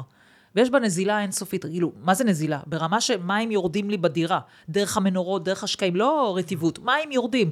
אני אראה לך תמונות, את נגנבת, כאילו, את רואה? גשם בתוך הדירה. וככה כמה פעמים כבר. וכל הניסיונות מולם, אה, אה, תקשיבי, לפעמים אני עובדת בזה יותר מאשר בעסק שלי, כאילו, אין, אין עם מי לדבר. פח. וואו. ועכשיו אנחנו אחרי, מצלמות את זה אחרי פסח, בפסח האחרון, וכל פעם זה קורה גם בחגים. פעם, פעם שעברה הנזילה הזאת ביום הבחירות, ראשון לנובמבר, בגלל זה אני זוכרת, יום הבחירות, ראשון לנובמבר, טאק, נזילה. לכי דברי עם הלמפה, אפרופו. עכשיו, למזלי לא בליל הסדר, יום למחרת ליל הסדר, עוד פעם, נזילה מטורפת, הבית מוצף, נהרות. עוד פעם אותו סיפור. ואני חייבת להגיד לך, היה לי איזושהי נקודת שבירה. אני זוכרת, ישבתי, כי תקשיבי, כל הזמן יש שם בעיות נזילה, כל הזמן, כל הזמן, דיירת מתקשרת אליי, ויש לי דיירת מעולה, אני ממש אוהבת אותה, בחורה מקסימה. והיא מתקשרת אליי בוכה, תשמעי, בוכה, אני, ואני בוכה איתה. א', כאילו, עזבי שהדירה נהרסת ועכשיו היא נראית רע, והייתה דירת קבלן קומפלט וזה. כאילו, המקום הזה שבו נתתי לה דירה גרועה, כאילו, אפילו בלי שידעתי כביכול, והיא כאילו סובלת שם, וכל הזמן היא, את רואה אותה עם הסחבות וזה. אז אני אומרת, אה, זה היה בחג, ישבתי ופשוט בכיתי, לא יכולתי כבר לשאת את זה יותר. פשוט בכיתי, ואז הבנות שלי ראו אותי, ותקשיבי, הבת עכשיו שאני אומרת את זה, אני... הבת שלי הקטנה, שהיא היום בת עשר, היא באה ואומרת לי, מחבקת אותי ככה, היא נורא כזאת פיזית, והיא מלטפת אותי, וזה, היא אומרת לי, אימא, והיא אומרת לי, מה קרה? ואני משתפת, אני משתפת, אני אומרת, יש לי את הדירה להשקעה, אתם יודעים, יש לי את הדירה ברמלה וזה, כי בהתחלה, רגע, למה אנחנו לא גרים שם? זה, אמרתי, מסבירה, לא, זו דירה שצריכה להכניס לנו כסף וזה, מסבירה להם. אז היא אומרת לי, אימא, אבל זה רק דירה. את יודעת שזה יעבור. מה שחשוב זה. המשפחה, יש לך אותי ויש לך את בר, ואנחנו משפחה, וזה מה שחשוב, נכון? ותקשיבי, היא... ובסוף הילדה הזאת עם המשפט הזה אמרה לי כאילו, מה נסגר איתך גברת מלינק? לא תתעוררי על החיים שלך כבר, כאילו דירה להשקעה כולה, כולה דירה להשקעה, כאילו מה הסיפור שלך? מה את עכשיו מחרבת את החג על הדבר הזה? וקמתי מהדבר הזה, למחרת, טלפון, אנחנו מגישים תביעה נגד עמידר, למחרת טלפון לעוד חבר, תקשיב, בוא תדבר עם מנכ"ל עמידר, למחרת טלפון לכל הדיירים, בוא, אנחנו מתאגדים בעלי הדירות, למחרת הסתכלתי, ב, יש התחדשות עירונית ברמלה, איפה, מי, מה, מה, כאילו יצאתי מהדבר הזה סופר סופר מחוזקת, להגיד, מחוזקת. כאילו, להגיד את הקטע הזה, מה עכשיו אני מתבכיינת פה עכשיו על הבית, על הנזילה, הנזילה תעבור, אני אצא מזה מחוזקת, אני אתבע את האם אימא שלהם על הדבר הזה, והם יחזירו לי את הבית כמו שהוא היה, ואפילו יותר טוב. כן. ומצד שני, גם כשדיברתי עם בעלי הדירות האחרים, יש שם עוד אנשים שיש להם אפילו שתי דירות באותו בניין, מתוך הבנה של כמה המקום יעלה, הם אמרו לי, אני קניתי את זה במיליון, אמרו לי כבר, אנשים כבר הציעו לנו מיליון ארבע מאות, והדירה שלהם לא משופצת אפילו כמו שלי. וואו. כאילו, אני שיפצתי את זה ברמה של הכל, צנרת, הכל, מטבח חדש. אני זוכרת, ראיתי אז בפייסבוק. כן, כאילו, אין, דירה נראית כמו דירת קבלן. וכאילו, פתאום אמרתי לעצמי, כאילו, בואי, תפסי פרופורציה, אז יש פה איזה רגע איזושהי נקודה כזאת של, וואלה, את אוכלת קש, וגם המים עולים לי בשירותים, הזבל וזה, כאילו, את אוכלת שם קש, כאילו, אה, כל שיחה, אני כבר, ההיא מתקשרת אליי, אני כבר בעצבים כבר עוד לפני שהיא פתחה את הפה, לא עליה, אלא על מה שקורה, כאילו... ואני אומרת לעצמי, כאילו, מה, מה נסגר איתך? כאילו, תפסי את עצמך רגע, זה חשיבת שפע, להגיד, כן. רגע, יאללה, יש פה חרא עכשיו שאני אוכלת, אבל החרא הזה בא ללמד אותי. דירה הבאה, אני, אני בודקת מעליי, נכנסת להוא לבית שלו, מביאה, מאתר נזילות, בודקת את הבית הזה. כאילו, את, את לומדת מזה כל דבר, כאילו. נכון. תמיד אומרים לא לקנות מתחת לגג, בגלל הנזילות. אני עכשיו אומרת, בואי נבדוק את הדירה קומה- מעלינו. קומה כן, מתחת. בדיוק, בואו נבדוק את הקומה מעלינו לראות. עכשיו תראי, כשנכנסתי ידעתי שיש, אה, היה נזילה בעבר, וכביכול הם תיקנו אותה וכולי. וגם אמרתי, תראי, החשיבה הייתה שאם זה עמידר, אז יש להם גם כיס עמוק. כלומר, יש לי את מי לתבוע. יכול להיות שהיה גר מעלה איזה מישהו, שגם אין לי את מי לתבוע. עכשיו צריך איזשהו שיפוץ של 30 אלף שקל, כי הצנרת שלו הרוסה. לכי תגידי אותו לבית משפט, יוציא תיק, איחוד תיקים בהוצאה לפועל שהיה. וזה. כן. אז אני אומרת, גם עמידר, יש פה את היתרון, אני אומרת, בואי תתפסי את עצמך במקום הזה. תגידי, וואלה, יש פה כיס עמוק, אם עכשיו בית משפט או המפקח על הבתים משותפים יחליט שהם אשמים, והם צריכים לשלם, ישלמו. אין פה קטע, אין להם אה, בעיה של תזרים. אז לכן אני אומרת את זה, בואי נסתכל על הפרופורציה. אני חושבת שחשיבת שפע זה להסתכל גם מהכאן ועכשיו, ולהגיד, בואי נסתכל על התמונה הגדולה, בואי נראה מה זה מביא לי. הרי הדירה הזאת בסופו של דבר, אם אני אעשה בה flip בעוד כמה שנים, אני אמכור היא אותה כבר ברווח. במצב של flip. כן. אז כאילו עשיתי את הקטע שלי, ועוד לא עברו אגב שנה, אני קניתי אותו לפני שנה. אני זוכרת, אני ממש זוכרת את זה. בדיוק, אז כאילו חשיבת שבע זה לצאת רגע מהבאסה באסה, בוא נאשים את הממשלה, בוא נאשים את העמידר, בוא נאשים את הזה, למה קניתי, בוא נאשים את כל אחד ולא נסתכל רגע על עצמי. בוא נסתכל שנייה רגע נכוחה, ונגיד אוקיי, ואגב, אני אגיד לך יותר מזה, וגם נגיד האלה היו אומרים לי, תקשיבי, הדירה שלי ירדה, היא שווה עכשיו 700 אלף שקל וזה, הייתי אומרת אוקיי, אז בואי, נ- יעברו את ה-18 חודשים, או לא יודעת מה, או נראה. בוא נראה, אז אולי אני צריכה למכור ולקחת את הכסף למקום אחר, גם בסדר. בוא נסתכל על זה כאילו במבט שכלתני ולא במבט רגשי שלא מה זה עושה לי, מה זה זה. מבט אה, שכלתני. זה, זה מאוד יזמי מה שאת אומרת, כאילו זה בעצם מרגיש לי מה שאמרת, שחשיבת שפע זה להנהיג את החיים שלך ולהבין בכל סיטואציה גם ללמוד ממנה. אה, ואני חושבת שזה, יש לי אפילו מודל כזה שאני אה, לימדתי במועדון שהיה בפיננסיות, שבאמת אה, על יזמות נשית, שבעצם כל מה שדיברנו קודם, שלהבין את הנקודתיות של הבעיה הזאת, שעכשיו היא תופסת המון המון המון מקום בחיים שלך, באופן מובן, כי את מתעסקת בזה כל היום, וזה נורא מעצבן, ומה שסיפרת לי פה הייתי תולשת שערות כן, לגמרי, ברור. כן. אבל באיזשהו מקום, אה, להבין שזה נקודה, ויש כזה נאום של, אה, איך קוראים לו? שכחתי, Connecting the Dots. אה, סטיב? ג'ובס, לא? סטיב ג'ובס. אה, אז אה, כל פעם אני רואה את זה כשאני במשברים, אני נכנסת ורואה את הנאום הזה, אני ממש ממש אוהבת אותו. Connecting the dots, כזה להבין איך כל דבר הוביל, זה סיפור מדהים, אני לא רוצה לעשות פה ספוילרים. אבל אה, זה סיפור מדהים שמראה איך כל דבר מוביל לדבר, גם דברים כאלה שקרו לי, באיזשהו מקום אני ראיתי אחר כך איך הם בעצם שירתו אותי, או באיזה ידע, כמו שאמרת, לחתוך איזה עסקה, או לחתוך איזה משהו אחר בחיים שהוא לא מתאים. אה, לגמרי, זה... בגלל זה שאלתי אותך גישה מדהימה, זה לא מובן מאליו, סליחה נכון, שאני זה, נכון. זה לא מובן מאליו מה שאת מספרת פה. זה, זה בדיוק להסתכל על זה במשקפיים של כאילו, אני מובילה את החיים שלי, אני מנהיגה את החיים שלי, אז היה לך את הרגע הזה ואת הימים האלה שככה היית בבאסה, והבת שלך עזרה לך כן. והראתה לך... אה, כפרה עליה. כן, הראתה לך אה, את האמת הגבוהה. נכון. אני חושבת שזה גם זה, ואת אמרת connecting the dots, אני חושבת שגם אצלי בחיים, ולכן שאלתי אותך בתחילת דברייך, מה הביא אותך לכל הדברים? כי הרי בסוף, הזרעים האלה, כמו שאמרנו, שאנחנו נוטעים באנשים אחרים, בסוף הם מניבים מאיפשהו. ואני חושבת שמה שהביא אותי היום, זה כל הדברים שעברתי בחיים שלי, באמת, אם זה השכירות שאני גרתי, וכל הדברים שסיפרתי, זה בסוף מביא אותך לפה. ואני חושבת שמה שאולי, ככה, אם נסכם את הנקודה הזאת, זה לקחת את הנקודות האלה ולהבין רגע שמשהו קורה פה, כאילו לא להתעלם מהם, להגיד, רגע, יש משהו קורה, אני, אני כאילו לומדת פה משהו, הנה את הייתי ליד הסמנכ"לים האלה, את ספגת משם משהו. כן, אבל אמרתי לעצמי, וואי, ואני רק סקנד בסט, ואני רק אה, מזכירה, ואני רק עוזרת אישית, ואני רק זה. אבל בפועל למדתי מלמעלה איך העסק נראה, ישבתי בכל הישיבות. כן, האמת היא שזה תמיד, אני, כש... אגב, כשרציתי להיות עצמאית, אחד הדברים שאמרתי, אני חייבת ללכת להיות עוזרת אישית כזאת ברמה הגבוהה, לא המזכירה, אלא זאתי באמת שיושבת בכל הישיבות, אמרתי, ככה לומדים הכי טוב. וחיפשתי, והאמת היא שזה המשרות הכי, מבו, הכי מבוקשות, ואי אפשר נכון, להשיג כן, אותן. פצצה, הן באמת באמת נכון. פצצה, את באמת עושה דברים גדולים. נכון, אני מאוד רציתי, זה נורא מצחיק שאת מזכירה לי את זה, כבר שכחתי את זה, זה היה לי, עוד כשהייתי, חיפשתי עבודה כ... אני מאוד ממליצה, אגב, גם אם מישהו, אוקיי, מישהו רוצה להיות עצמאי, רוצה להיות עצמאית, אבל אה, הם כן צריכים עכשיו את המשכורת השכירה, וזה 100% וזה בסדר גמור, אמרתי לך שאני אפילו חושבת שלפעמים זה נהדר. תחשבו מה יקדם אתכם מבחינת הסקילס, מבחינת הלמידה, אולי זה לא מה שלמדתם או עשיתם במשרה הקודמת. יכול להיות שאתם יכולים לקחת משהו, כמו שאני עבדתי מאחורי הקלעים, בהמון השקות, בהמון דברים, אז היום קל לי לעשות השקה לעצמי. תקופת אה, הנבטה היה לך, ממש הנבטת את עצמך כאילו כן, בצד. ממש כאילו, ככה. אבל- יצרת תשתיות. אבל תמיד היה חשוב לי לא- להיות מעורבת בהכל, לראות הכל, לעבוד עם אנשים, להכיר אותם, כי אני אוהבת גם, ו- וזה ממש ככה, אז לכו תעשו משהו שיעזור לכם אחר כך בעצמאות, כאילו, וזה גם יהיה הרבה יותר כיף, זה, זה כאילו... את ממש הדוגמה חיה למה שאת אומרת, כי אני ככה גם זוכרת אותך, אני זוכרת כן. אותך כזאת בלבוסטה, אבל תמיד מספר שתיים, אני זוכרת אותך אז. תמיד, זה מספר שתיים, זה היה כן, הקטע שלי בחיים. כן, אני זוכרת, ואני אומרת כאילו, הנה, והיא נהייתה מספר אחד, אז אני חייבת להבין את ה... את הקטע הזה, והאמת היא שאם אני ככה מבינה מה שאת עברת, אני חושבת שבאמת זה כמו, אני נורא אוהבת את הסיפור הזה, אני לא יודעת אם הוא נכון באמת, אבל על הבמבוקים הסינים, כן. שחמש שנים את כזה מדשנת, זה לא גם רע בול כלום. חמש שנים, אגב. כן, זהו, את רואה, הנה, יש לזה... ארבע וחצי כזה. כן. הרסת את הסטטיסטיקה. ואז הם צומחים לחמש מטר. ואגב, אני רואה את זה גם בעסק שלי, שאת אומרת כאילו שפתאום צמחתי. נכון, בשלוש שנים צמחתי. אה, כי אני לא הייתי מסוג העסקים, אני תמיד אמרתי שאם אני הופכת להיות בעל עסק, אני לא רוצה חלף שכר כזה, לעבוד, לטחון את המוח, ו, וגם, אה, את יודעת, להיות באי-ודאות הזאת. אמרתי, אם אני הולכת להיות זה, אז כאילו עד הסוף. ואז באמת אני לקחתי עזרה וכל הדברים האלה, אני מאוד מאמינה בלקצר תהליכים, כי הזמן שלנו מוגבל פה. כן. אז. למה לעשות את זה בגיל 60? אני יכולה לעשות את זה בגיל אה, 48. ואני חושבת ש... אבל זה לא שבאמת, מה שעזר לי זה האימון הזה הספציפי בחצי שנה, אלא מה שעזר לי שזה כל ניסיון החיים שלי הביא אותי לשם, ואני אני פוגשת המון נשים, כי את יש להם היית המון בשלה. ניסיון. בדיוק. אני זוכרת, לנו איזו שיחה, או נפגשנו אולי אפילו, או דיברנו בטלפון, והרגשתי את הבשלות, אמרתי, וואו, דנה, הולכים לקרות איתה דברים גדולים, וזהו, ובום. כן. אני זוכרת, אה, כאילו, למדתי אצל עידן, אה, ועידן וולר, והוא עושה- תמיד הוא עושה case studies כזה, ואז הוא אומר לי כזה, הוא מנוול כזה, הוא גם, הוא כזה מזמין אותך ואתה לא יודע מה הוא הולך לשאול, וכאילו, אתה יודע, אתה יודעת שהוא הולך להפיץ את זה אחרי זה בכמויות. והוא אומר לי כזה, טוב, האם את מתחייבת עכשיו בשידור? לא, את מתחייבת עכשיו בשידור, שאז היה נדמה לי אה, מאי או משהו כזה, שעד ספטמבר את מביאה את ה-100K בחודש. ככה הוא אמר את זה. עכשיו אני כזה, נו, מה עכשיו?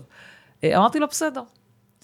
טוב, והייתי כזה בלחץ, מה עכשיו, אה, הוא תקע אותי עכשיו, זה, זה, פדיחות. כן, שלושה, ארבעה חודשים, תביאי את המאה K. בקיצור, התקשרתי אליו, ואני זוכרת את השיחה הזאת, התקשרתי בראשון לאוקטובר, אמרתי לו, עידן, יש לי חדשות טובות וחדשות רעות. עכשיו הראשון לאוקטובר, לא הבאתי בראשון לספטמבר, כמו ששמת לב את המאה K, אבל הבאתי עכשיו את ה-300K, סבבה? הופה. זה היה כזה מצחיק, אבל, אבל מה שבאתי אה, לספר זה שבאמת, אני חושבת עם הבמבוקים האלה, זה, זה נורא נכון. כאילו הייתי נורא נורא אה, בשלה, והייתי צריכה, לא הייתי צריכה את המישהו שידחף אותי, הייתי צריכה את הכלים. כי שתביני, שאני הגעתי לעידן אפילו לא ידעתי מה זה פרסום ממומן, לא ידעתי מה זה אבטאר. אני זוכרת, כאילו, אני, אני דיברתי איתך? שבוע לפני שנרשמת ל-100K, ואמרתי, מה? כאילו, פתאום היא מופיעה לי פרסום ממומן, וזה, לא יודעת, כאילו, לא יודעת. לא ידעתי כלום, אני אומרת לך, לא ידעתי כלום, העסק שלי עבד רק על אה, פה לאוזן, ואורגני שהייתי כותבת, כאילו כלום, כלום, כלום, כלום. זה כל כך ממחיש, אתה לא צריך לדעת כלום, אתה רק צריך לבוא מוכן כאילו, ואז אתה, טאק, מקבל את הכלים. הכלים ממש. זה החלק הקל. אבל, אבל תראי כמה עבודה תודעתית הייתה לך לפני זה, שדיברנו נכון. קודם על היהלום, שאת מדברת עם מישהי, ואז היא חוזרת בדיוק למה שהיא עשתה, ואת אומרת, יואו, אבל איך היא לא... זה, זה פתאום יכולה להיות לה פריצה, כאילו בפנים קורים דברים שאנחנו לא רואות כלפי חוץ. אני נכון. ממש מאמינה בזה, ורואה את זה פשוט אצל אנשים. ואז זה נראה פתאום, פתאום היא התגרשה ולא יודעת מה, פתאום היא, אה, פתאום היא החליפה עבודה, פתאום היא הצמיחה עסק בכמה, שלוש שנים, מעוסק נכון. פטור לעוסק, כן, לחברה בע"מ. נכון. אז זה לא פתאום, תראי כמה דברים עברת, כאילו, נכון. ההישג שלך מדהים, כן? אבל אה, אני חושבת שאנחנו עוברים דברים גם בתוכנו, שלא תמיד אנחנו יודעים להסביר אותם, או... אז, אז, אז כן, מבחינתי כל, כל אה, מישהו שמדבר ומפיץ את המסר, גם בשבילי, גם ממש, זה, זה דבר ממש ממש ממש חשוב. ובוא נעיד ונשים את זה פה על השולחן, שאני ואת נשים רגילות, לא, לא עם כפית של אני כסף. הכי רגילה, גם- ולא כפית של כסף. בדיוק. לא היו לי חיים גם אה, קלים בכל מיני היבטים אה, שלא קשורים לכסף. אה, גם את, את יודעת, בהתמודדויות עם כל מיני כן. דברים. לא, לא, לא כפית של כסף. ממש, ממש, ממש לא. זה, זה פשוט להחליט שאת עולה על הדרך הזאת, ואת לא מוותרת. ואת יודעת, לפני כמה ימים היה לי דימוי כזה, של כאילו, אני אגיד, אה, אני אגיד את זה בשביל מי ששומע בפודקאסט. כאילו, היו לי ימים קשים בזמן האחרון, היו לי כמה שבועות מאוד מאוד קשים, אה, כל מיני חוויות של חוסר הצלחה, והרגשה לא טובה עם עצמי, ו... ופתאום לפני כזה יומיים, דברים הסתדרו, והכל כזה, בדיוק כמו שתיארתי עם הדירה, ואני הרגשתי בדימוי כזה, כאילו הידיים שלי על הפנים, והיה לי כן. חושך, חושך, חושך, ופתאום נפתח, ואז אמרתי, אה, הבנתי למה היה חושך. כאילו, איכשהו זה, כל הזמן יש קשיים. העניין הוא בדיוק מה שאמרת קודם, על תודעת שפע, לזכור, אה, לזכור שקודם כל להנהיג את החיים שלנו, להמשיך, להמשיך. לא מצליח לך משהו, תראי איך כן יצליח לך. זה נשמע קלישאתי, אבל זה באמת, באמת, באמת מוציא אותך מהמקום של המסכנות, כמו שאמרת קודם, זה בדיוק זה. איך זה כן יכול לעבוד? איך אני כן יכולה ש... אוקיי, זה לא עבד ככה, כי גם לי לא עובדים מלא דברים. ברור, למי כן עובד. כן? אבא שלי תמיד היה אומר שאם קמת בבוקר הצלחה, משמע שלא ישנת כל הלילה. זה לא שבן אדם קם פתאום אה, והוא כולו מצליח. אז יש עבודה קשה, גם, גם לך, גם לי, מאחורי הקלעים. אנחנו עובדות קשה בשביל להגיע אה, למה כן, שאנחנו... וגם חוות אה, כישלונות ואכזבות נכון. וכל מיני דברים. נכון. אני רגילה לגמרי, אני שום דבר מעל הממוצע לדעתי, באמת, כאילו, ממש ממש רגילה, שמעת את ה... לא, מה שלא רגיל בך זה 79 כמות האנשים שאת מכירה. זה לא הכישרון, זה בסדר, כאילו, קיבלתי. כאילו, קיבלתי לא כישרון להכיר אנשים. כן, אנחנו אחר כך נעשה את זה, ונראה אם יש אחד שאת לא מכירה אצלי. נבדוק את זה, בטוחה שיש. נטע, המון המון תודה. נתת לי המון השראה, כמו שתמיד שאני אוהבת לפגוש אותך. זה כיף לי מאוד לראות את ההתפתחות שלך ולראות את ההתקדמות שלך, ואנחנו עושות דבר טוב, אנחנו מלמדות ועוזרות לנשים אחרות לצאת מזה, שהם יבינו שגם כן, גם הן יכולות. ואני באמת מאמינה בכל אישה, אני באמת חושבת שכל אישה יכולה אישה. לעשות. את מה שהיא עושה. אה, לפנייך אה, ראיינתי פה את אה, טובה, שסיפרה על החיים שלה, שאתם תאזינו את זה בפרק שלה, שזה פשוט מדהים. איך אומרים, נכון אומרים, איזה קלפים את קיבלת כשנולדת ושחיית? בוא נגיד שאצלה לא היו תעשים, לא היו לו קלפים טובים בכלל, והיא צמחה מזה בצורה מטורפת, וכל פרק שאני עושה, זה מחזק לי כמה כל אחד ואחת יכולים לעשות את זה גם. ממש. כאילו, פשוט, פשוט לעשות, זה הכל, פשוט לחתור ולעשות. נכון? מסכימה איתי? אני ממש מסכימה, אה, כל אחד, באמת, כל אחד, כל אחת, תעלו על הדרך הזאת, תכירו אנשים, תיכנסו לזה, תחליטו שאתם עושים, תחליטו שאתם לא מתייאשים בקושי הראשון, כי יש קשיים, וזאת הדרך, הדרך היא לא ישרה ולינארית, יש בה כל מיני אה, תנודות, וזה בסדר גמור. לגמרי. ואני גם ממש ממש אוהבת אותך, דנה, ותודה, תודה שהזמנת אותי. תודה, נטוש. מהממת. תודה רבה. תודה לך. להתראות.